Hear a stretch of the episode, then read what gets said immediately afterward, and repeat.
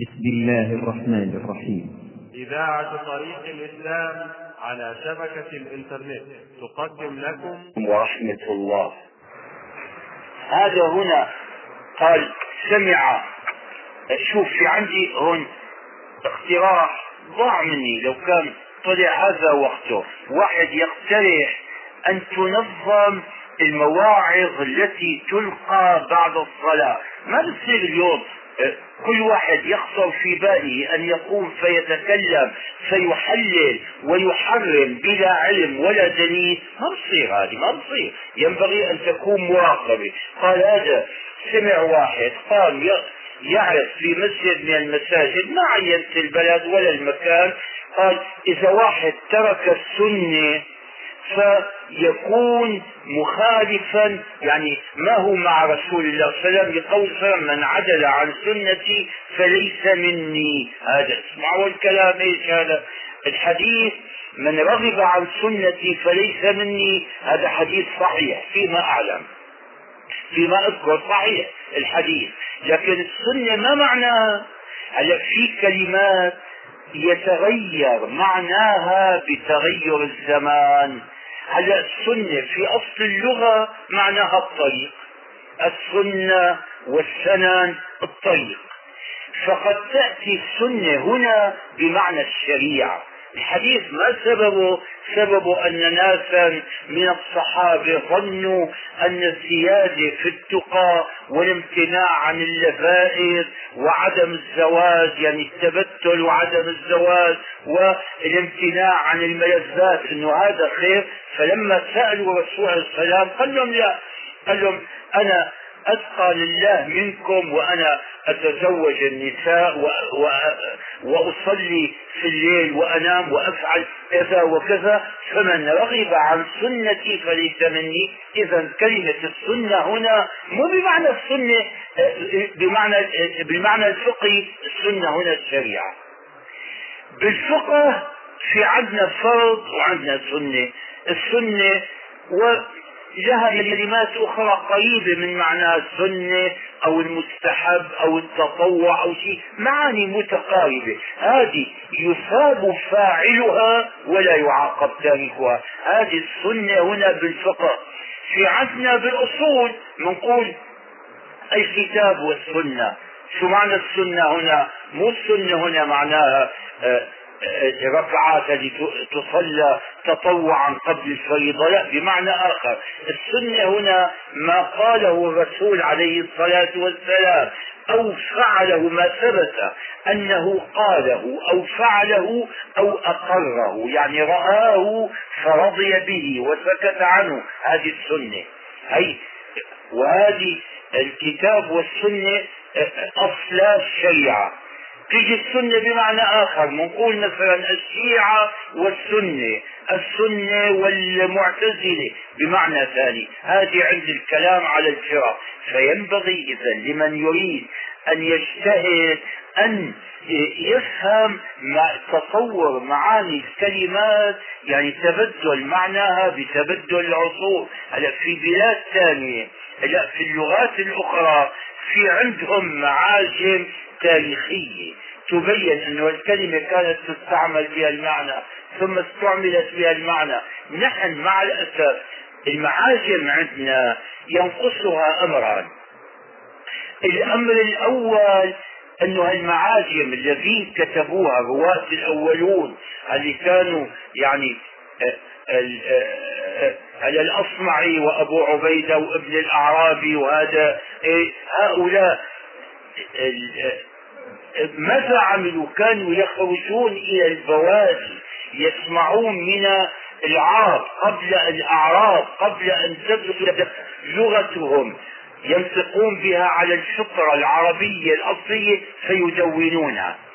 ليش بتلاقوا الاختلاف بين الكلمات بين المعاني؟ انه هذه مثلا فعل يفعل أو فعل يفعل كل واحدة لغة قبيلة. فنقص المعاجم يا ليت أنهم بينوا انه هذه لغة قريش. إذا قلنا لغة معناها لهجة اللغة بالاصطلاح القديم معناها اللهجة العربية لسان والفارسية لسان هذه لهجة من اللهجات منقول اللغة يا ليت أنهم بينوا قالوا هذه لغة قريش وهي لغة تميم وهي لغة أي باقي منها بقية هلا في النحو عندما يعلم ال ال الأستاذ التلاميذ ما زيد قائما وما زيد قائم كلاهما يجوز. يقول لك هذه ما تميمية وما حجازية. عند تميم تميم ما تنصب الخبر بما تبقي المبتدأ والخبر على حالهما وتكون ما نافية فقط عند قريش تنصب تعمل عمل ليس. نعم هذه اذا بعضها بينوها. هذا أمر. والأمر الثاني انها أنه ليس عندنا معاجم تبين تبدل المعنى اللغوي. هذا من زمان لما أرادوا إلغاء الأوقاف في الشام أيام حسني الزعيم لما قام بالانقلاب هذا المعروف سنة 949 وابطل الأوقاف السورية لتسمى في مصر الأوقاف الأهلية كتب جماعة من جهلت في ناس من أهل العلم يتزلفون للحكام يمشون في ركابهم يكونون أبواقا لهم. شو بيريد الحاكم؟ من دبر له نحن فتوى تناسب الذي يريده. راحوا دبروا فتاوى من القبيل من جملتها قالوا إن أبا حنيفة يقول بأن الوقف غير لازم. أخذوا كلمة غير لازم بالمعنى العامي اليوم. نحن بنقول مثلا انه الأمر ما هو لازم يا أخي؟ يعني غير لازم يومئذ. شو معنى اللازم؟ العقود هلا. إما العقد ينقسم العقد إلى منعقد وغير منعقد. المنعقد إلى صحيح وإلى فاسد. الصحيح إلى لازم وغير لازم. العقد غير اللازم يعني يجوز لأحد طرفي العقد أن يحله. هلا بيع أنا اشتريت عمارة. ما لي حق أني أنا أفسخ البيع وحدي بدون رضا البائع. أما إذا أنا أوفيت لواحد بوصيه تبرع مني لست مجبرا عليه. أستطيع أني أرجع عنها وألغيها. هذا معنى وقف غير عقد غير لازم. فالوقف عند أبي حنيفة من الشكل هذا السؤال هنا عن البدع. البدع أنا تكلمت فيها فيما مضى كلاما كثيرا. السؤال محصور في مسألة واحدة هل هنالك بدع حسنة أم لا؟ هذه تحتاج إلى بعض التفصيل. لعرفتم أن البدعة في اللغة هي الأمر المستحدث الجديد؟ الله بديع السماوات والأرض. أبدعها على غير نظام سابق. فلان مقول ابتدع أو اخترع أي جاء بشيء جديد. فهذا الشيء الجديد هل هو هل نسميه البدعة؟ إذا كان تجديدا في العبادات بزيادة فيها أو نقص منها أو تبديل لها أو تعديل هذا الأصل. فيها المنع والتحريم. إلا إن دخلت تحت أصل عام. السبب في ذلك الدين كمل. اليوم أكملت لكم دينكم وليس بعد الكمال إلا النقص. فمن ادعى أنه أن الشيء الجديد الذي جاء به هو من الدين يكون قد نسب النقص إلى الدين لأنه هو يدعي أنه أتمه. ولذلك كل بدعة في الدين مردودة. ومن الحديث يعني من أحدث في, في أمرنا هذا ما ليس منه فهو رد مردود. بس هنالك شيء على التراويح. سيدنا عمر قال نعمة البدعة هذه. المسلمون من أيام الصحابة عملوا أشياء تتعلق بالدين الرسول عليه الصلاة والسلام ما عملها. هلا جمعوا القرآن في مصحف. أيام الرسول عليه الصلاة والسلام لم يكن مجموعا. كان متفرقا. مكتوب على شيء على رق وعلى حجارة رقيقة وعلى عظام رقيقة. أن نقول بأن جمع القرآن في مصحف بدعة ممنوعة لا. المسلمون الأولون أيام الصحابة ما فتحوا مدارس فالمسلمون بعد ذلك فتحوا المدارس. هل يقال بأن فتح المدارس بدعة؟ تدوين الحديث مثلها. هل يقال بأنه بدعة؟ لا. هذه بدعة في التطبيق. شو معنى في التطبيق؟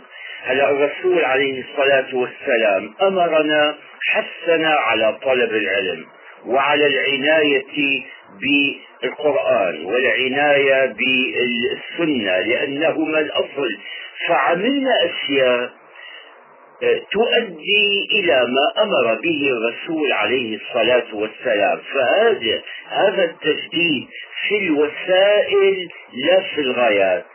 يعني في التطبيقات لا في المبادئ أما إذا كان الأمر متعلقا بالدنيا الأمور هذه المتعلقة بالدين الأمر المتعلق بالدنيا مثلا إذا آه، حدث تجديد بالكشوف العلمية أو في المعاملات المالية أو في العادات الاجتماعية هذا الأصل فيه الجواز. ليش الجواز؟ على طريق الإباحة الأصلية. على كل شيء جائز إلا ما منع بالنص أو كل شيء ممنوع إلا ما أبيح بالنص. القول الصحيح المعتمد أن أمور الدنيا المتعلقة بالطعام والشراب والبناء والعادات والأشياء هذه كل الأصل فيها أنها جائزة إلا ما منعه الله وحرمه في كتابه أو على لسان نبيه أو أجمعت الأمة ولا تجمع إلا بدليل وإن لم يعني يصرح بالدليل أو قيس. هذا الحرام على أمر محرم ما عدا ذلك كله جائز هذا الكلام في البدع في البدع. فمن قال إنه في بدع مستحسنة بدعة حسنة وبدعة سيئة هذا هو المراد بقولهم بدعة حسنة. بدعة حسنة أي أنها بدعة في التطبيق في تطبيق الأمر الشرعي. لا لا أنها اختراع لحكم شرعي جديد. أي تدخل تحت الأصل العام. السؤال الثاني من السائل عن بدع المآتم. والله هذه تكلمنا فيها كثيرا ويقول بأن لا تزال هذه البدع في زيادة وبدع المآتم. هي منها ما يتصل بالدين. شوفوا منها من النوع الأول ما يتصل بالدين ويعارض الدين صراحة.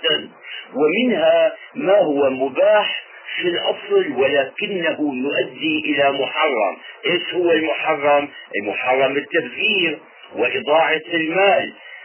هي إضاعة الأموال في المآتم وفي الأفراح. لها كلام آخر. كلام لابد أن نعود إليه. يعني كل ما فيه إن المبذرين كانوا إخوان الشياطين. نعم.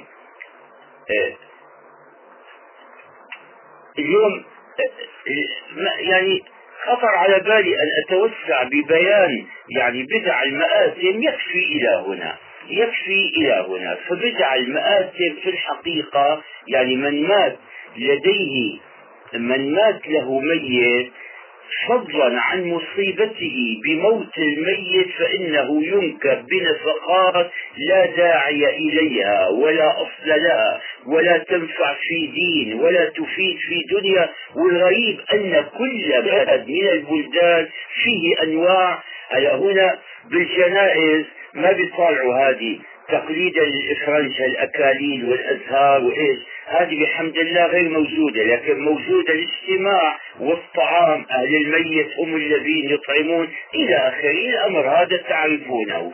فاتباع السنة في هذا أولى عندي رسالة من بلد لا أحب أن أسميه هنا ورسالة من شاب دين. الرسالة مفصلة وفيها ذكر يعني وقائع وشيء أقول خلاصة خلاصة رسالته أنه يعيش يقول في بلده هذا في جو موبوء بالفساد والكفر والإلحاد. ف والناس الفاسدون من حوله حتى كان الناس في رمضان. يقدر هيك بيقول كان تسعون في المئة منهم لا يصومون ويدخنون علنا في الطرقات كأن البلد لم تدخل في الإسلام والمطاعم كانت مفتوحة إلى آخره. أنا هنا طبعا لا سميت البلد ولا سميت الكاتب وإنما ذكرت حالة عامة. هذه الحالة موجودة بلا شك موجودة في بعض بقاع الأرض المنتسبة إلى الإسلام. ماذا يعمل فيها؟ الآن السؤال من الناحية الفردية. يعني لا أريد أن أتحدث عن آه، آه، عن طريق الدعوة والإصلاح وإن كانت الدعوة واجبة وممكنة والإصلاح واجب وممكن لكن أجيب السائل ماذا يعمل هو وأمثاله. من قديم أنا ذكرت لكم مثالا ذكرته غير مرة يعني ذكرته مرات إنه لو انتشر وباء في بلد من البلدان. يعني واحد كان في بلد انتشرت فيها بعض الأمراض السارية الخطيرة انتشرت كوليرا انتشرت فيها. يعني الجدري شيء لا سمح الله. شو بيعمل؟ هذا قلت لكم اولا يسترشد برأي طبيب يوثق به ليعرف طرق الوقاية من المرض. والطبيب هنا في مثل هذا المقام اللي يسأل عنه في وباء الكفر والفساد الطبيب هو العالم العالم الفاهم حقيقة لشريعة الله والذي يخشى الله. يعني عالم عامل بعلمه. عالم له قلب لأن العلم وحده لا يكفي. نسأل الله ألا يجعلنا من العلماء غير العاملين وأن يرزقنا العمل بما نقول بما نعلم. هذه واحدة. الأمر الثاني لما بينتشر المرض الساري ماذا يعمل؟ يبتعد عن المصابين بالمرض خوفا من العدوى لأن اليوم إذا واحد كان صحيح الجسم واتصل بالمريض المريض يعدي الصحيح بمرضه. مو مو الصحيح يعدي المريض. لو حطيت اليوم شاة مريضة أو ناقة مريضة بين مئات من أمثالها الصحيحات. مو هن هؤلاء بصحتهن يعدينها بالصحة وإنما هي تعديهن بالمرض حط برتقالة فاسدة وسط صندوق من البرتقال السليم الفاسدة لأنه الفساد أسرع ولذلك يبتعد عن المصابين. وهنا أقول لهذا السائل هذا الشاب الدين ولا يزال أكرر الكلام والله في أشد البلاد فسادا من بلاد الشرق وبلاد الغرب في أوروبا من الشباب المسلمين والشابات المسلمات كما رأيت يعني من يعيش معي مثل معيشة شباب الصحابة بلا مبالغة فيه. إذا يقطع صلته بهؤلاء المنحرفين المنحرفين انحرافا كاملا. الذين شاهروا يقطع الصلة مو معناها ما ينصحهم ينصحهم إذا استطاع ويدعوهم لكن من غير أن يعني يعاشرهم معاشرة تامة. وهذا وارد بالحديث وارد بالحديث. نسيت نص الحديث أن بني إسرائيل يعني أمروا بالمعروف فترة ونهوا عن المنكر قالوا مرة ثم اكتفوا وعاشروا العاصين وواكلوهم وشاربوهم فعمهم العذاب لما شملهم لأنه هذا نوع من الرضا. إذا كما انتبهوا لي أرجوكم كما يبتعد الصحيح عند انتشار المرض الساري عن المصاب لئلا تصيب يصيبه المرض أيضا ينبغي أن نبتعد عن هؤلاء ولو كانوا أقرباء لنا. ولو كان يعني هذا اللي انحرف ويعني أخذ مذهبا من المذاهب الباطلة صار ماركسيا صار كذا بدون أمثلة أبتعد عنه ولو كان أخي من أبي وأمي لأنه لا كان أخي. وأصيب بالمرض الساري الطبيب يأمرني أن أبتعد عنه ما أقعد آكل مع معه لئلا ينتقل المرض إلي. بعدين عند المرض شو بنعمل بناخذ أدوية مقوية ليقوى الجسم على مكافحة المرض. هنا الأدوية المقوية بملازمة يعني بعض المرشدين الصالحين المصلحين المتقين من علماء الدين يتصل بهم. يعاشر أهل الخير من الشباب الدينين. يقرأ الكتب التي تقوي إيمانه. يعتاد المساجد يرتادها ويعتادها والمجامع والمجالس فيها من أهل الدين. يعني الكلام كله معناه نكون دوائر صغيرة صالحة ضمن لو جاء سيل قلت لكم قبل الآن سيل عندما يطرأ شو بيطلع واحد مثل ابن نوح قال سآوي إلى جبل يعصمني من الماء. طوفان نوح ما في ما يعصم. أما هنا في ما يعصم. إذا جاء السيل بطلع لي بيت عالي بطلع, بقعد في الجبل أو في رأس الرابية حتى يعني موجة السيل هذه تمر. فهنا إذا ينبغي أن يكون لنا ذرة أن تكون لنا جزر سليمة نكونها بأنفسنا. يجتمع في كل بلد أهل الدين من الشباب بأشباههم ونظائرهم ومن يمشي على طريقتهم. أولا يجتمعون للتعاون على الخير لتقوية الإيمان لقراءة بعض الكتب وللعمل التفكير فيما يحفظ أسرهم وأولادهم هذا الذي يعمله وإلا وإلا والله المصاب كبير. هذا نحن نعيش اليوم في آخر الزمان القابض فيه على دينه كالقابض على الجمر. أنتم هنا في المملكة ما تحسون بهذا. في بلاد من يعلن التمسك بدينه يصيبه الأذى الأذى الأذى المادي والمعنوي الأذى الظاهر والباطن ومع ذلك هنالك من يصبر على أشد أنواع الأذى وهنالك من, من ذهبوا شهداء سعداء في سبيل تمسكهم بدينهم في بعض البلاد العربية الإسلامية أيام طغيان. يعني هذه الموجة من السيل الخبيث المدمر. زالت الآن بحمد الله زالت من ذلك البلد والحمد لله رب العالمين. هذا الجواب يعني آه، مختصرا. جاءني كتاب من مدة قريبة من سيدة قال سمعت وعظا إحدى هؤلاء الواعظات في بلد من البلدان ما أسميه قالت إنه ينبغي أن يكون المسلم دائما في ذكر ومراقبة لله فإذا روى نكتة أو قال كلاما فارغا هذا يكون قد ابتعد عن طريق الإسلام. وإذا ضحك يكون يعني قد خالف نهج الإسلام. أن يكون في حياته كلها أن تكون حياته كلها حياة جد وعمل حتى الزينة قال ما تشتغل السيدة بها ولا لزوجها كتاب كاتبتين عم تضع. يعني فيه أسماء وأمكنة يبدو انه قصة صحيحة. وهذا كثير من النساء اللواتي يتولين الوعظ والدعوة إلى الله يفعلنه.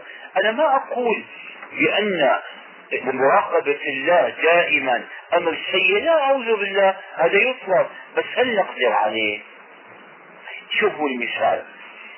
واحد مريض عمل عملية جراحية وأمضى شهرا بالمستشفى أنا من قديم عملت عملية زائدة بقيت أربعين يوما على قطعي ما كان في بنسلين ولا كان فيها الأسباب هي الجديدة. ما تركوني أقلب من جنب إلى جنب. واحد أربعين مضى علي أربعون يوما وهو مضطجع على ظهري. ثم قام يمشي. بالله عليكم روح بدخل مسابقة العدو في الألعاب الأولمبية فيسابق عدو 3000 متر ولا بيمشي أولا من السرير إلى الحمام ويمسكونه بعد شوي بيمشي مسافة أطول بالتدريج شيئا بعد شيء لك ما بيتفكر بالدنيا فهؤلاء تحسب الواحدة منهن أو الرجل يعني من يريد هذا بده ينقل الشاب البعيد عن الدين واحد لا بيصلي ولا يتبع الدين أو بنت طالعة كانت سافرة متكشفة وكانت يمكن ما تقيم الصلاة ولا تعرف أحكام الطهارة رأسا بده يعملها مثل الصحابيات والتابعيات. مش ممكن هذا ما هو ممكن. ولما لاحظوا النقطة هلا عندما أعرض اناسا فأعطيهم مثل اعلى العالي كثير يعني أطلب منهم رأسا أن يقفزوا فيصيروا مثل الأولياء أولياء الله الصالحين مثل الصحابة الأولين مثل أئمة التابعين. ما ممكن هذا. يجد إنه هذا صعب عليه. شو بكون نتيجة؟ بيترك الدين. بيترك الدين. واحد بتعوده على القفز كل بالاول تقفز تحط له مساحة مسافة على الأرض نصف متر. بعدها بتزيدها هلا يقفزون القفز العالي. في ناس بيقفزوا قفزا عاليا. كمان أول يوم بيقفز يحطوا له هي حبل بنص شوي عالي. بعدين بيرفعوها أكثر بعد أن يتمرن عليها بيطلع إلى أعلى. بالتدريج ربنا بالوجود معنا الصفا شو معنى الصفا الانتقال المفاجئ ليس من سنة الله في هذه في هذا الوجود. هلا بالليل الدنيا ظلام وبالنهار الظهر الشمس مشرقة مضيئة. هل انتقلنا في لحظة واحدة من الظلام المطبق إلى الضياء المشرق؟ لا. بالتدريج يولج الليل في النهار ويولج النار في الليل. شوي شوي. يعني الماء هذا اللي لونه أزرق فتحت عليه الحنفية الماء الصافي. بيتغير اللون شيئا بعد شيء. بيطلع شوي من الماء الأزرق وينزل بعد مدة بصير كله أبيض. كذلك الحياة. هلا واحد منا أنا كنت طفلا يوم من الأيام ثم صرت شابا ثم صرت كهلا ثم صرت شيخا كبيرا. بيوم واحد بيوم واحد. هل لو قلت لإنسان لو سألني واحد متى انتقلت من الشباب إلى الشيخوخة؟ قل له والله يوم السبت العاشر من رجب سنة كذا الساعة خمسة انتقلت. يعني قبل الساعة خمسة كنت شاب شابا وبعدها صرت شيخا. لا يمكن.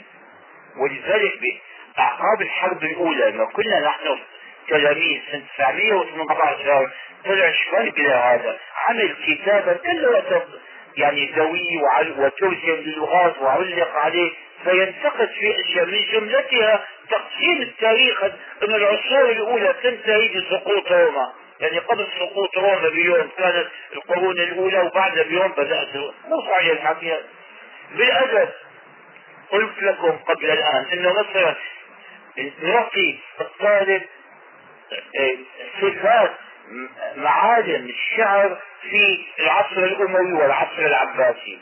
وإنه يبدأ العصر العباسي لما قتل مروان يعني إذا قتل يوم الأربعاء يوم الثلاثاء الشاعر نفسه اللي كان ينظم واستمر بالنظم بالشعر كان ينظم بالشعر بالعصر الأموي حتى يقول هجوت جريرا.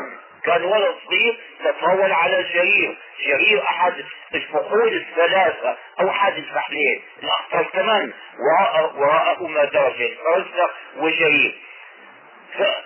فأعرض عني واستصراني بيقول ولو أجابني لكنت أشعر الناس. هذا عم ينظر قبل ما ينتهي العصر الأموي رسميا بحسب التقسيم كان ينظر على صفات الشعر اللي يقرأها الطلاب على العصر الأموي ثاني يوم نظر بصفات الشعر في العصر العباسي لا بالتدريج. هؤلاء يطلبون ما يخالف سنة الله بالوجود.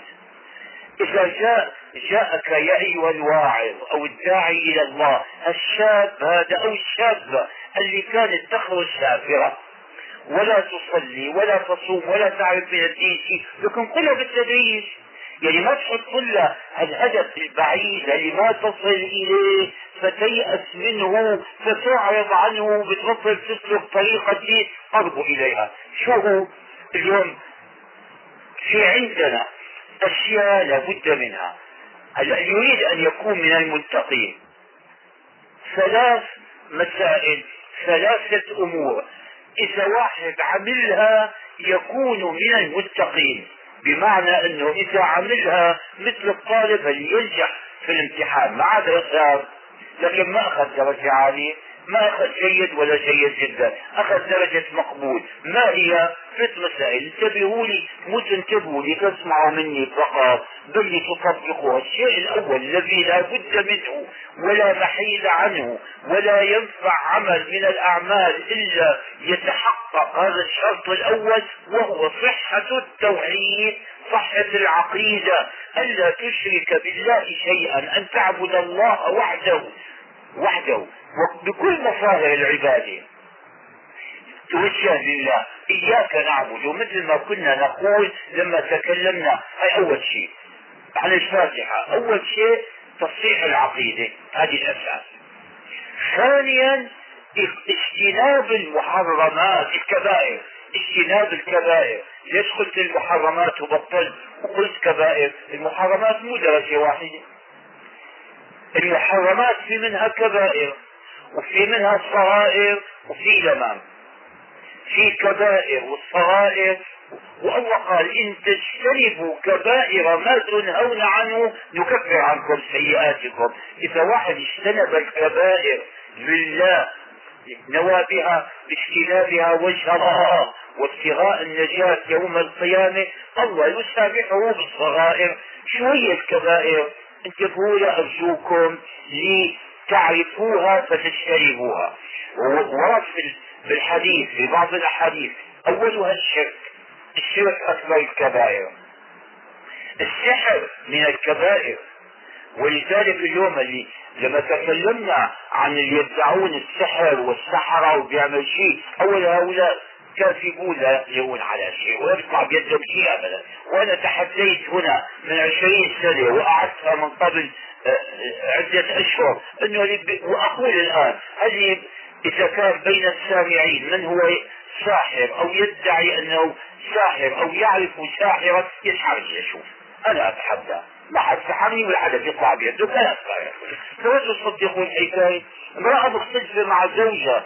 تروح تفتش عن سبب الخلاف ليش زعلان وليش في زعلت منه. فتثير السبب يعني الطاقة العواطف اللي يدخل منها الريح نسدها ونستريح. مو خلي الطاقة مفتوحة وروح لهذا الساحر أو مدعي السحر أو اللي يسخر الجن. قل ارجوك اعمل لي شيء اكتب لي شيء حطه بالمي وأشربه أو كذا حتى ما يدخل الريح بس ما يسكر الطاقة. شوف من لين داخل شوف السبب السحر اذا والتصديق به لأنه هذه مخالفات تتصل بالعقيدة. القتل بلا حق إسهاق النفس أي من الكبائر. أكل مال اليتيم هو أكل مال الغير كل هذا من الذنوب الكبائر. الله قال وأن تأكلوا يعني ينهانا أموالكم بينكم بالباطل. شو معنى بالباطل؟ كل واحد يأخذ مالا بغير وجه شرعي يكون قد أكله بالباطل. الحرام يلي بيصير هذا أكله بالباطل. الموظف اللي شيء أكله بالباطل. هذه حاجة مسعرة. لها سعر معين الحكومة حطته شيء باعها بأكثر منها. بأكثر منها إذا كان لها سعر أمرت الحكومة ألا يتجاوزها إلى الناس هذا. يكون أيضا بالباطل. بالحيلة بالمكر بشيء كل هذا من أكل أموال الناس بالباطل.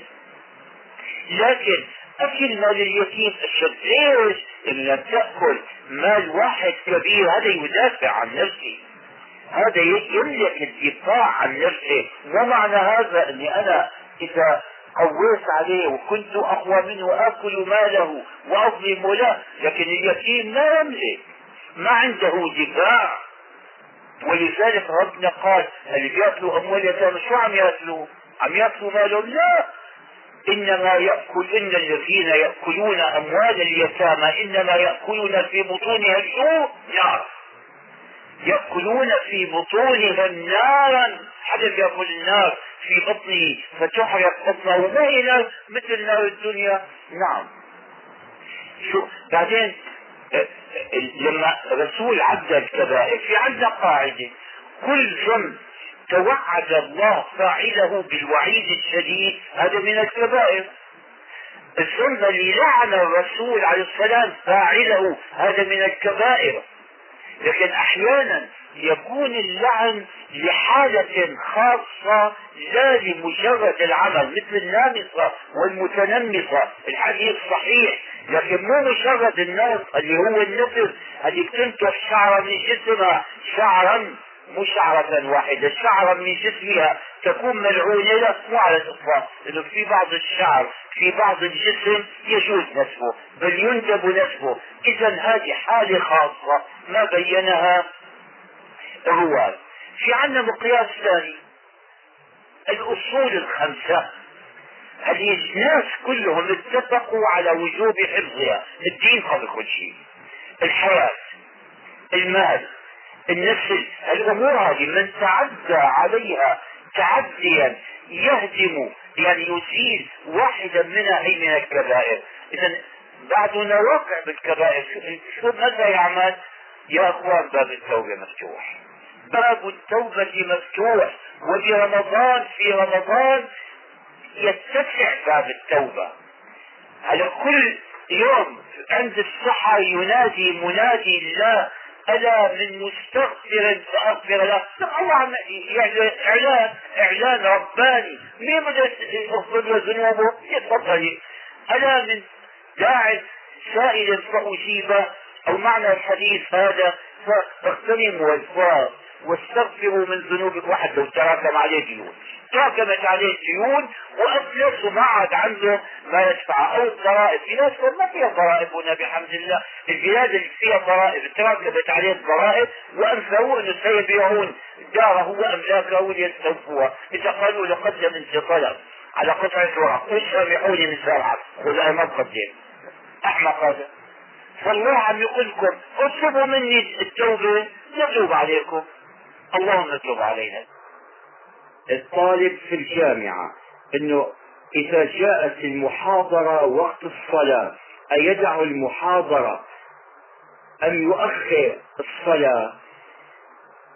إذا كانت المحاضرة شوفوا إذا كانت المحاضرة تستغرق وقت الصلاة كله وهذا ما أظنه يقع في بلادنا. يعني تبدأ المحاضرة من قبل الظهر وتستمر إلى ما بعد العصر وتأخذ وقت الصلاة كله لا يترك ويصلي. أما إذا أذن الظهر كان باقي بالمحاضرة ربع ساعة أو نصف ساعة أو شيء. وكانوا يصلون جماعة يقيمونها بعد انتهاء المحاضرة فهنا يستمع المحاضرة. هي في حديث حتى في صحيح مسلم أن ابن عباس كان يعظ مرة يعني كان يلقي محاضرة صار وقت الصلاة قالوا له الصلاة فأعرض ثم قالوا الصلاة فأفهمهم بأن الصلاة يعني وقتها فيه سعة وتأخيرها عن أول الوقت قليلا لا مانع منه والحديث يدل على أكثر من ذلك. على بعض الناس يكون في محاضرات أحيانا بنصف المحاضرة أو يكون قد بقي فيها قليل يقوم واحد الصلاة الصلاة يقطع على المحاضر كلامه. لا يتم ثم يصلي. هذا إذا كان في الوقت متسع مثل وقت الظهر أو وقت العصر وقت المغرب بطبيعته أضيق. وشرط آخر ألا تكون المحاضرة داخل المسجد. أما إذا كانت المحاضرة في المسجد أنا ألقي درسا في داخل المسجد وأذن وأقيمت الصلاة عندئذ. لا أترك الجماعة وأبقى مثابرا على محاضرتي وأفضل من هذا كله وأولى ما كنت قلته مرات قلته وكتبته وذكرت الناس به من قبل أن آتي هنا من القديم وهو أن مدير المدرسة أو أو عميد الجامعة عندما يضع المنهج اليومي يعين أوقات المحاضرات و مدير الكلية العسكرية اللي يعين وقت التدريبات ومدير هذه النادي اللي يعين وقت المباراة ودوام الموظفين كل هذا وسألني هنا سائل في الإذاعة قال مراقبو الإذاعة أحيانا المراقب هذا اللي عندما تكون الإذاعة على الهواء يستغرق وقت المراقبة ساعات.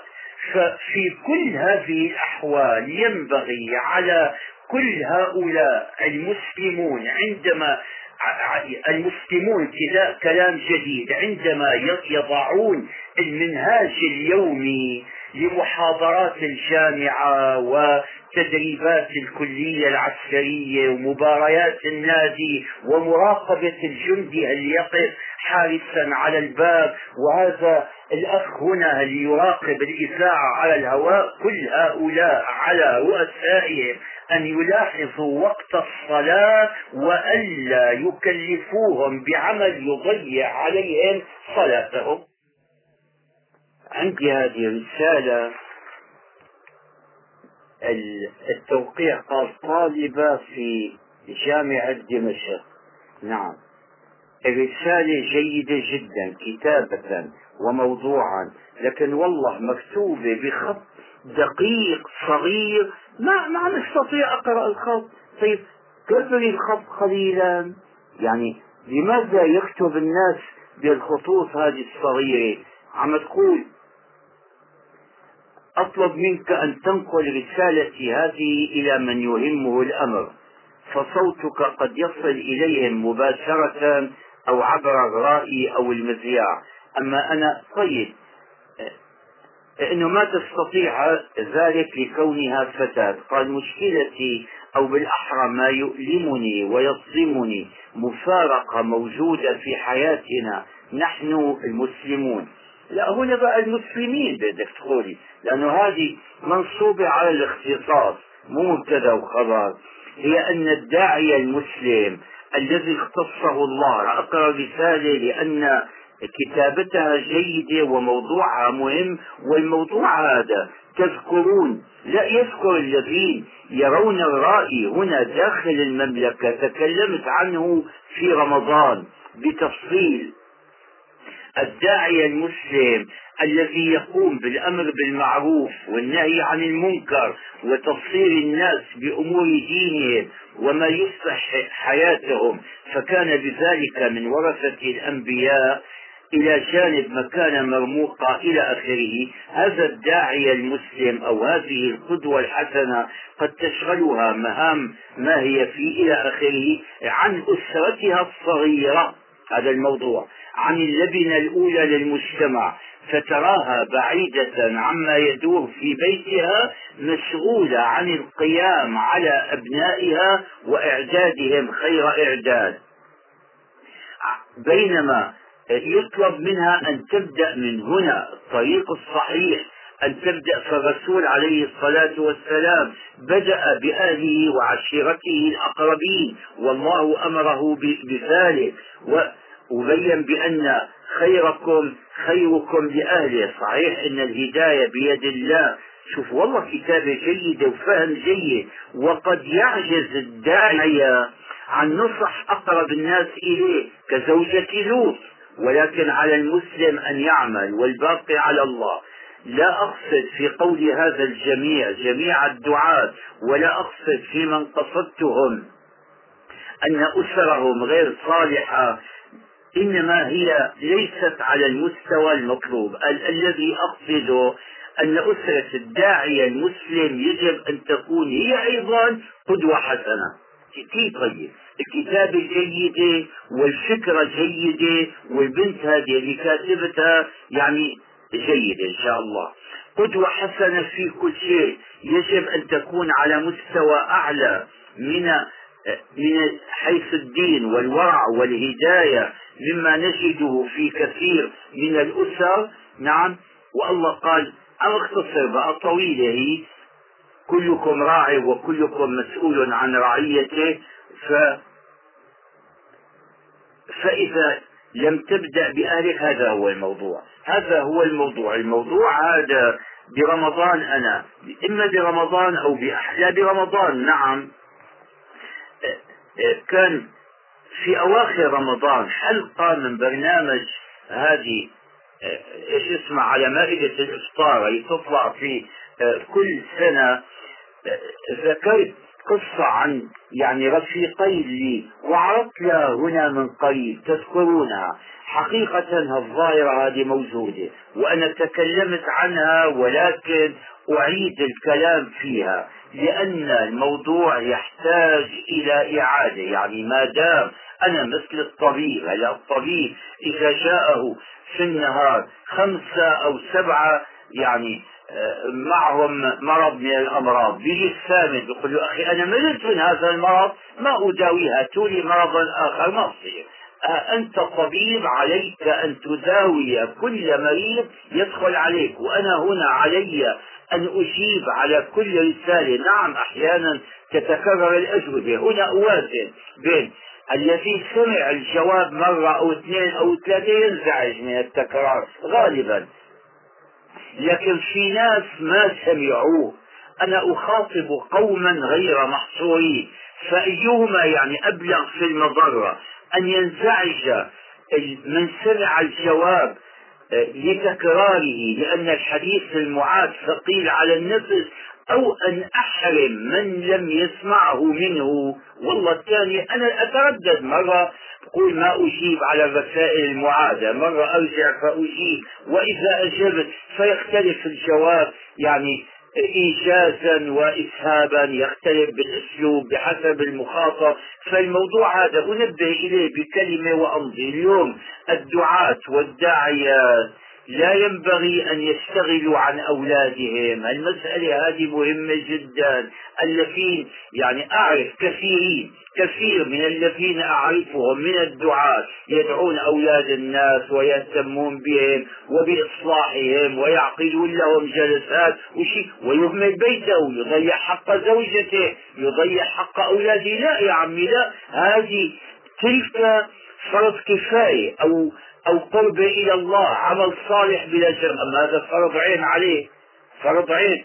فيبدأ كل داعية بإصلاح أهله بإصلاح أهله هذا نعم. نعم هذه امرأة ما بدي أعينها في الفائدة بيقول بتقول فيها إنه واحد صاحب عمارة أسكن عنده جماعة من العزاب. قال منعوا أن يسكنهم. فأسكنهم فلاحظت المرأة هذه انه جار لها تدخل بنتها عند هؤلاء العزاب. والمرأة يعني ما اهتمت. قال خبرت زوجها فخبر زوجها. خبر زوج تلك المرأة. حتى أخرجوهم قالوا منعوا هذا. تقول أحسنت أو أساءت بهذا. شوفوا أخي السؤال دقيق ومهم. يعني إذا واحد منا اليوم اطلع على مخالفة شرعية على أمر مخالف للشرع أمر مخالف للأخلاق مثلا يصنعه بعض الناس هل يسكت أو يعلن الأمر أو ماذا يعمل؟ أولا هنا السكوت تنشأ عنه مضرة. لأن كل مسلم شو معنى الأمر بالمعروف والنهي عن المنكر؟ هذا قلت قديما وأحتاج أن أعود إليه فأفصل الأمر. مو معنى الأمر بالمعروف والنهي عن المنكر إن واحد يتدخل في شؤون الناس كلها وشيلة. ولا معناها يعني أنه لا يهتم إلا بنفسه لأن الموضة الجديدة بيقول لك أخي أخي أمور شخصية أنت ما لك علاقة فيها. إذا كان واحد موظف في دائرة أو معلم أنا فاتح مدرسة أهلية مدير مدرسة طلع المعلم بعد الظهر راح عمل شغلات ما هي شو بدك مني أنت؟ أنا أقوم بعملي. هذه أمور شخصية شو أمور شخصية هي تؤثر على غيرك يا أخي. هذه ضررها ينتشر ويعم إذا المسلم لا يستطيع أن يسكت تماما ويتغاضى كأنه ما رأى المنكر والانحراف عليه أن يعمل شيئا. ولا يجوز له أن يعلن لأن الفضيحة ممنوعة. الله كم الذين يحبون أن تشيع الفاحشة في الذين آمنوا ولا يحق له أن يدخل عليهم ولا يتجسس عليهم. إذا كانوا يعملون شيئا بالخفاء فصار هنا الأمر يحتاج إلى حكمة.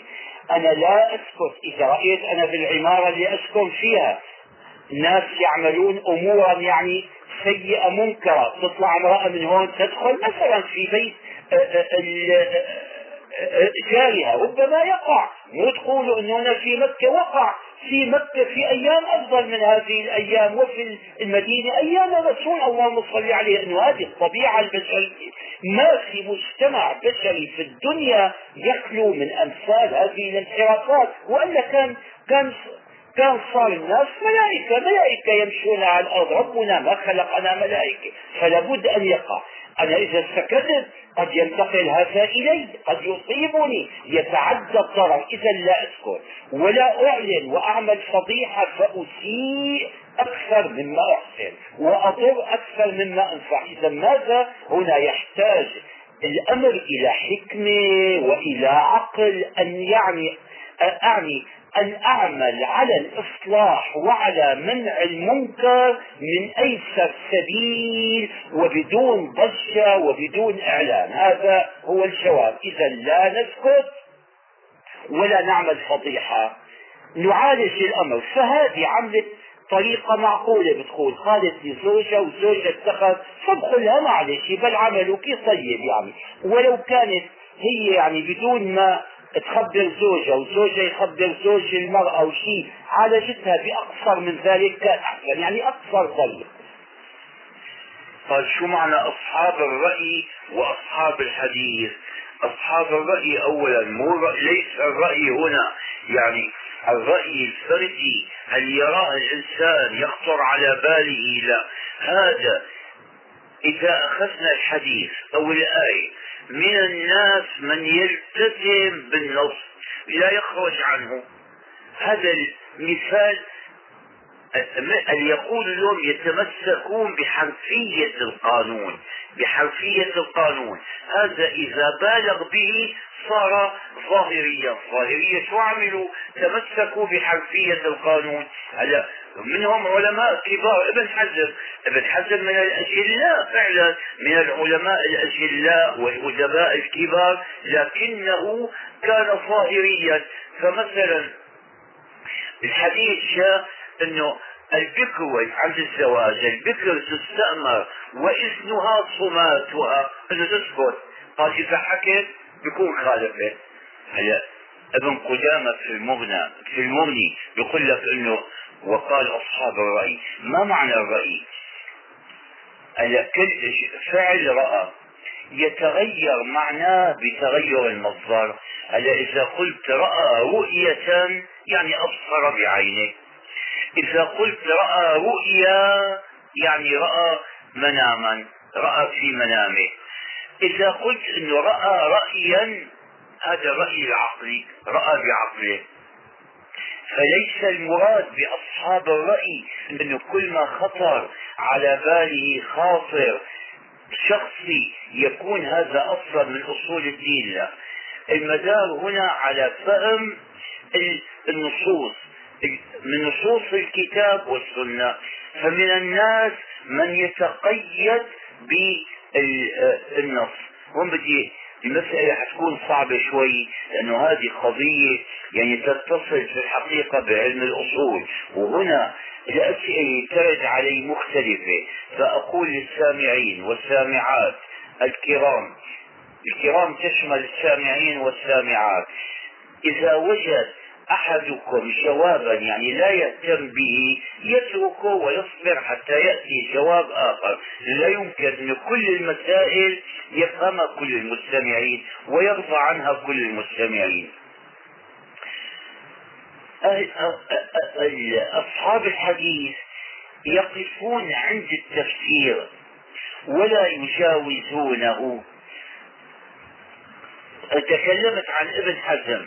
قلت أبن حزم يقف عند المعنى الحرفي للحديث وربما يعني ضيق هذا المعنى. وضربت مثالا موجود في أول آه، آه، آه، في أول كتاب أبن حزم. الحديث البكر يوم الزواج تستأمر وإذنها صماتها قال إذا نطقت وقالت قبل لا يعتبر إذنا لأن الرسول اللهم صل عليه قال وإذنها صماتها أي زيادة. منسوب إليه أنه الحديث لا يبولن أحدكم في يعني الماء الراكد ويتوضأ منه أو ما هذا معناه. فقال إذا واحد بال آخر فيه أو بال بإناء وصبه به قال هذا لا يدخل تحت الحديث هذا غلو. وفي ناس يخرجون عن المعنى العربي الذي يدل عليه لفظ الحديث هذا أيضا آه، موجود. إذا أهل الرأي ماذا يعملون؟ هؤلاء ينظرون لظروف النص والشروط المتعلقة به. هلا في نهي. العرب بعضهم الأول كانوا يربطون ثدي الغنم أو الناقة حتى يمتلئ بالحليب ثم تباع يحسبها الشاري إنه هي بتحلب كمية كبيرة. فإذا حلب أول مرة يرجع الثدي لحالته الطبيعية. في الحالة هي الرسول قضى إما أن يردها وصاعا من تمر وإما يقبل بها. ليش؟ جاء أهل الظاهر أهل اللي يتمسكون يعني بالنص قالوا الصاع من تمر هذا بدل في جميع الحالات. أهل الرأي قالوا لا الرسول اللهم صل عليه. ما قدر الصاع من التمر إلا لأنه كان يساوي في ثمنه الحليب الذي أخذه من من الضرع. هذا مثال. بعدين من هم أهل الرأي؟ أهل الرأي أولهم الحنفية. وأهل الحديث الغريب أن أكثر الكتب يعدون الإمام مالكا من على رأس أهل الحديث. أنا بحسب علمي القليل وذهني الكليل وما تتبعت على قلة يعني إحاطتي من الأحكام الفقهية الإمام مالك أقرب إلى أهل الرأي والإمام الشافعي أقرب إلى أهل الحديث. والدليل على ذلك هلا في حالات كثيرة ترون خذوا الكتب اللي تبين أحكام المذاهب آخر المثال للشعراني الشعراني كتب الصوفية وشي لا تقرأوها. أما هنا الميزان كتاب فقهي دقيق. كتاب آه، الوثير هذا نسيت والله الاسم هلا بتذكر ابن هبيرة نعم. ف ترون بأن أبا حنيفة ومالك يلتقيان في كثير من الأحيان. يعني الحكم في المذهب المالكي يشابه الحكم في المذهب الحنفي. و الشاب مذهب الشافعي ومذهب أحمد يلتقيان يعني الحكم في المذهب الحنبلي قريب من الحكم في المذهب الشافعي. هذه معناها. واصلت بها وكنت يعني متضايقا في الجواب لأن القضية هي ما تهم من السامعين إلا عدد إلا عددا قليلا. نعم. هذا السؤال. عم تقول إنه الدين. شوف كتابته لا بأس جيدة حرم الحرام وحل الحلال ولكن الناس كانوا ما يفهموا حاجة. لا بطلت سحبت مدحي. ما يفهموا حاجة ومن يوم ما جاء من شو عم تحكي عن برنامج معين وعن شيخ معين لا, لا فائدة من ذكر اسمه. قال بأنه بأن حمالة الثديين حرام لبسها. هي اللي السوتيان بيسموها. بالعربي ما أدري من سماها من من هذا؟ بالنسبة للنهدين. لا بأس يعني كلمة جديدة ولا أصل ممكن أن نقولها. أصل الصوت تيام هذا بالفرنسي من فعل تونير يعني اللي يمسك وشو من تحت اللي يعني اللي يمسك من أسفل يسند الشيء. فقال بأنه حرام. لماذا تكون حراما؟ لك لماذا لو قال بأنه هذه إذا استعملتها في الحيلة وحدة يعني ما لها صدر ما لها لها يعني ثديان ضامران وجاء من يخطبها فراحت عملت هي حطت يعني ثديين صناعيين حتى بينت أنها ذات صدر يعني يرغب في مثله الرجال ورآها أهل الخاطب على هذا يعني خدعتهم. هذا حرام لأنه خديعة خديعة. بيطلع هذا بيروح بعد أن يتم العقد ظالم بأنه لها بأن لها ثديين يعني كبيرين معقولين بيلاقي من الشراطيط كلها. ثديين من خرق ومن قطن راحت هذه خديعة حرام. إذا وحدة عملتها وخرجت بها إلى السوق ولبست شيء كي يظهر حجم الثديين حتى تلفت أنظار الرجال حرام. لك حرام مو لذاتها مو هي حرام. الحرام بالأولى الخديعة. الحرام في الثانية الفتنة. نشر الفتنة بين الناس. أما أن نقول بأن مجرد لبس هذه المناهج إذا سميناها مناهج هي السوتيانات أنه هي حرام. لا ما هي حرام. مين قال حرام؟ ولف الشعر على الرأس من أعلى أو من أسفل قال برضه حرام. لا برضه مو حرام كمان. قال وشرح وجاب أحمد. شو الأحاديث اللي جابها. وينها؟ ما أدري. هي نيابة عن عائلتها وعن المشاكل التي حصلت في البيت بأن الشيخ طولها مع الناس هل قوله صواب؟ لا ما هو صواب. قوله ليس بصواب.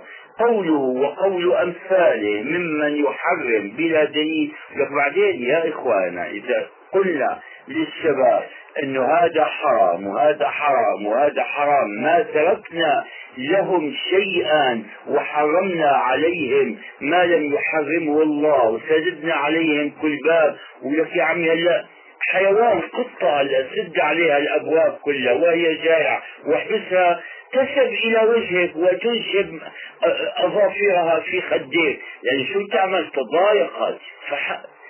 الخلاصة ان التحريم لله. فأرجو الكلام هذا والله أنا أعلم أني قلته قبل الآن مرات ومرات لكنني مضطر لإعادته. ينبغي أن ينتبه الواعظون والواعظات فلا يحرموا إلا ما حرمه الله أو حرمه رسول الله المبلغ عن الله.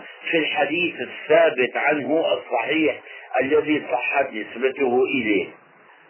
هذا قال ابن ابن المدينة كاتب لي قال اختلف مع رفيق له خلاصة قصة عجيبة. أنا ما أقرأها لأن يعني الموضوع مهم ما هو مهم. الموضوع يعني تافه لكن أقرأ أو أشير إلى رسالة لأبين لكم آه، عن مدى خطأ هؤلاء الذين يفتون بغير علم؟ قال واحد قام تكلم أنه لا يجوز قال الصلاة من غير سراويل فجاء قال له هذا وإن السراويل ينبغي أن تصل إلى الركبة. قال قلت له ولكنهم يصلون وعليهم الثياب فلا يضيرهم اذا إن لم يلبسوا السراويل لبسوا السراويل القصيرة أو لم يلبسوا شيئا. قال لا ولو كانوا لابسين ثياب. يعني كأنه هذا الرجل آه، يريد أن يقول بأنه إذا كان إنسان يلبس الثوب الطويل ثوب ساتر يستر عورته وسابر ولا يشف عما وراءه لكن ما هو لابس تحته سراويل قال ما تصح صلاته هذا يفتي بجهل وبقلة عقل. لكن العرب الأولون أكثرهم ما كانوا يلبسون سراويل ما كانوا يلبسونها بيلبس الثوب هذا. طيب فإذا واحد لبس إذا صلاة العرب الأولين صلاة المسلمين الأولين كلها كانت باطلة فأنسوا أنه ما يفتي أحد يعني إلا إذا كان متثبتا كان عنده يعني ما يستند إليه. نعم. كلنا بحمد الله مسلمون وكلنا يدعو إلى الإسلام. ولكن صورة الإسلام التي نشترك في الانتف... الإسلام الذي نشترك في الانتساب إليه ليست واحدة في نفوسنا. إن منا من يفهم الإسلام على حقيقته ومنا من لا يفهمه. منا من يتمسك بفرع منه يحسب هذا الفرع الدين كله. ومن يفهمه مشوها محرفا. لذلك كان من الواجب علينا قبل الدعوة قبل دعوة الناس أن نوحد صورة الإسلام في نفوسنا. لقيت مرة من قديم من قديم أه، في الشام أديبا كبيرا اسمه على الألسنة وحديثه في على الأسماع ذكرنا الإسلام تحمس في الدفاع عنه والاعتزاز به حتى نال إعجاب أهل المجلس وإكبارهم. ثم ذكرت الصلاة. فقال بأنه يعني يقطع فيها أحيانا ويتركها أياما ولكنه متمسك بالإسلام مخلص في الانتساب إليه. وعجب الحاضرون ونظر بعضهم في وجوه بعض وسكتوا. تشعب الحديث حتى ذكرت الخمر طال المجلس فقال بأنه التقينا في مكتبة في الشام كان يلتقي فيها. يعني أدباء وعلماء المكتبة العربية لصاحبها الأستاذ العالم هذا عالم وشاعر أحمد عبيد. كبير السن الآن يعني أطال الله عمره وعمر كل من ينفع الناس. نعم. قال بأنه ذكرت الخمر قلت لكم قال يشربها أحيانا مجاملة ومسايرة ولكنه متمسك بالإسلام مخلصا له. ثم قال بأنه يدع صوم رمضان أحيانا. ويرضى لزوجته بالتكشف دائما ولكنه فقلت له توقف كيف تتمسك بالإسلام وأنت تقر على نفسك بترك فرائضه الأصلية وترك محرماته الكبار؟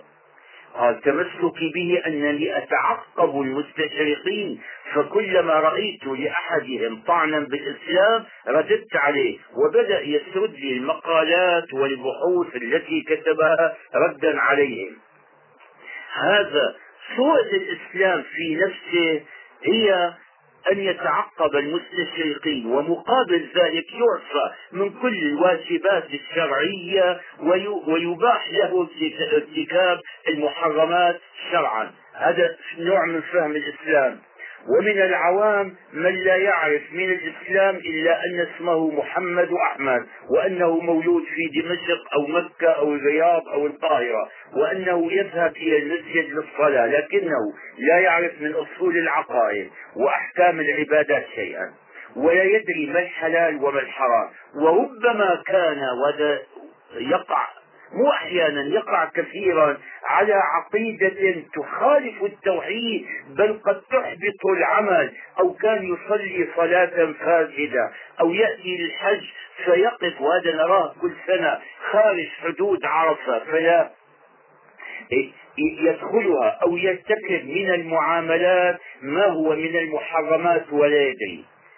بعدين نرى من ينتسب إلى الإسلام وهو على نحلة مكفرة من نحل الباطنية أو الفرق الخارجة على الإسلام كالقاديانية. هي من كان مؤمنا بمثل هذه المبادئ مثل هذه النحل المخالفة للإسلام هذا لا تنفعه صلاته ولا صيامه ولو صام الدهر وصلى الليل والنهار. ومنهم من يجمع بين دعوى الإسلام يريد أن يجمع بين دعوى الإسلام والإيمان بضلالة ماركس ويزعم أن هي الماركسية وإيش من الإسلام. ومنهم من يقول بأنه مسلم ويؤمن بمبدأ قومية من القوميات التي ترجع مو بالقومية القومية التي تجعل الرابطة أخوة غير أخوة الإيمان التي قررها الله ونزل بها القرآن. في بعض الإذاعات يقول أيها الإخوة في العروبة بدلا من أيها الإخوة في الإسلام. هذا يصادم صريح القرآن. ويدخل في هذه الأخوة أبا جهل ويخرج منها سلمان. ومن يتمسك من, من الإسلام بفروع يتخذها أو يظنها الدين كله ويهمل الأصل ثم لا يكتفي بذلك حتى يفرق بين المسلمين وينكر على الناس في أمر لا يعد من المنكرات. قامت عندنا في الشام من سنوات معركة حامية.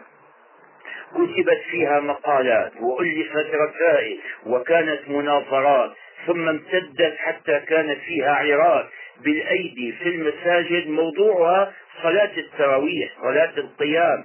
هل هي عشرون كما يصليها جمهور المسلمين من قرون طويلة أم هي ثمان؟ كما ثمان ركعات كما جاء في الحديث اللي هو الصح. مع أن التراويح سنة من صلاها عشرين لا ينكر عليه. ومن اقتصر على الثمان لم يؤاخذ. ونحن في هذه الأوقات لك يا إخوان نحن أحوج الآن إلى الألفة أحوج منا إلى الألفة منا إلى الاختلاف على أمور اجتهادية. أنا ما ذكرت هذه الأمثلة إلا لأقول لكم بأن الإسلام ليس إسلام ذلك الأديب الذي يرتكب المحرمات ويترك الواجبات ويدعي أنه من المتمسكين بالإسلام. ولا إسلام كثير من العوام اللي سماهم الأمير شكيب رحمة الله عليه المتدينين الجغرافيين الذين لا يعرفون من الإسلام إلا اسمه. هذول يظنون أنه عندما يكون المرور على الصراط أو على باب الجنة عند مفرق الطريقين يميزون المسلم من غير المسلم بالهوية ورقة الهوية بحفيظة النفوس يقول له طالع ورقة نفوسك أو جواز السفر فإذا كان مكتوبا في مسلم تفضل على الجنة. مو هي يا حبيبي مو هذه. ما اليوم حاصل ولا ولا إسلام الضالين المبتدعين المنحرفين. ولا إسلام الذين يلوكون بأفواههم اسم الإسلام تقربا إلى العوام ويؤمنون بمذاهب تهدم الإسلام. الإسلام الصحيح هو الذي جاء به محمد رسول الله صلى الله عليه وسلم وكان عليه الصحابة والتابعون في خير القرون والذي أخذت به المذاهب الأربعة التي اتفق المسلمون على أن أئمتها كانوا على خير وهدى. والمذاهب غير الأربعة التي لها دليل صحيح ولا تخالف إجماعا كان في مذاهب كثيرة كما سمعتم أو تسمعون في مثل هذا البرنامج على مائة الإفطار في هذه السنة في, الرأي بالتلفزيون تكلمت عن الاجتهاد والتقليد. نعم. وانه في مذاهب أخرى مذاهب لأئمة اندثرت فلو صح صحت نسبة القول إلى أحد هؤلاء يجوز أن يقتدي العام به. مثل مذهب الأوزاعي ومذهب الليث بن سعد ومذهب طبري ومذهب سفيان. كانت في مذاهب. نعم. وأن يعني الاختلاف بين الفقهاء لا ينكر كله. هذا الإسلام اللي نقصده. هلا ما نحن بمبتدعين ولا محرفين ولا غالين ولا نريد أن نكون من الشاذين. لو وردت أخبار أن هذه الأمة ستفترق كما افترقت الأمم من قبلها فرق كثيرة كلها يدعي الإسلام والكثير منها بعيد عن الإسلام. منها فرق مر علي عليها قرون وقرون وألفت في الرد عليها عشرات وعشرات من الكتب وفرق جديدة أين هو الحق؟ الحق فيما كان عليه رسول الله عليه الصلاة والسلام وأصحابه. هؤلاء أهل السنة والجماعة. فعليكم بالجماعة. وإياكم أن تتبعوا الآراء الشاذة. والجماعة ما هي بالكثرة بل باتباع السنة. لو خالف أهل الأرض كلهم وبقي مئة شخص في رأس الجبل لكانوا هم أهل السنة. والسلام عليكم ورحمة الله.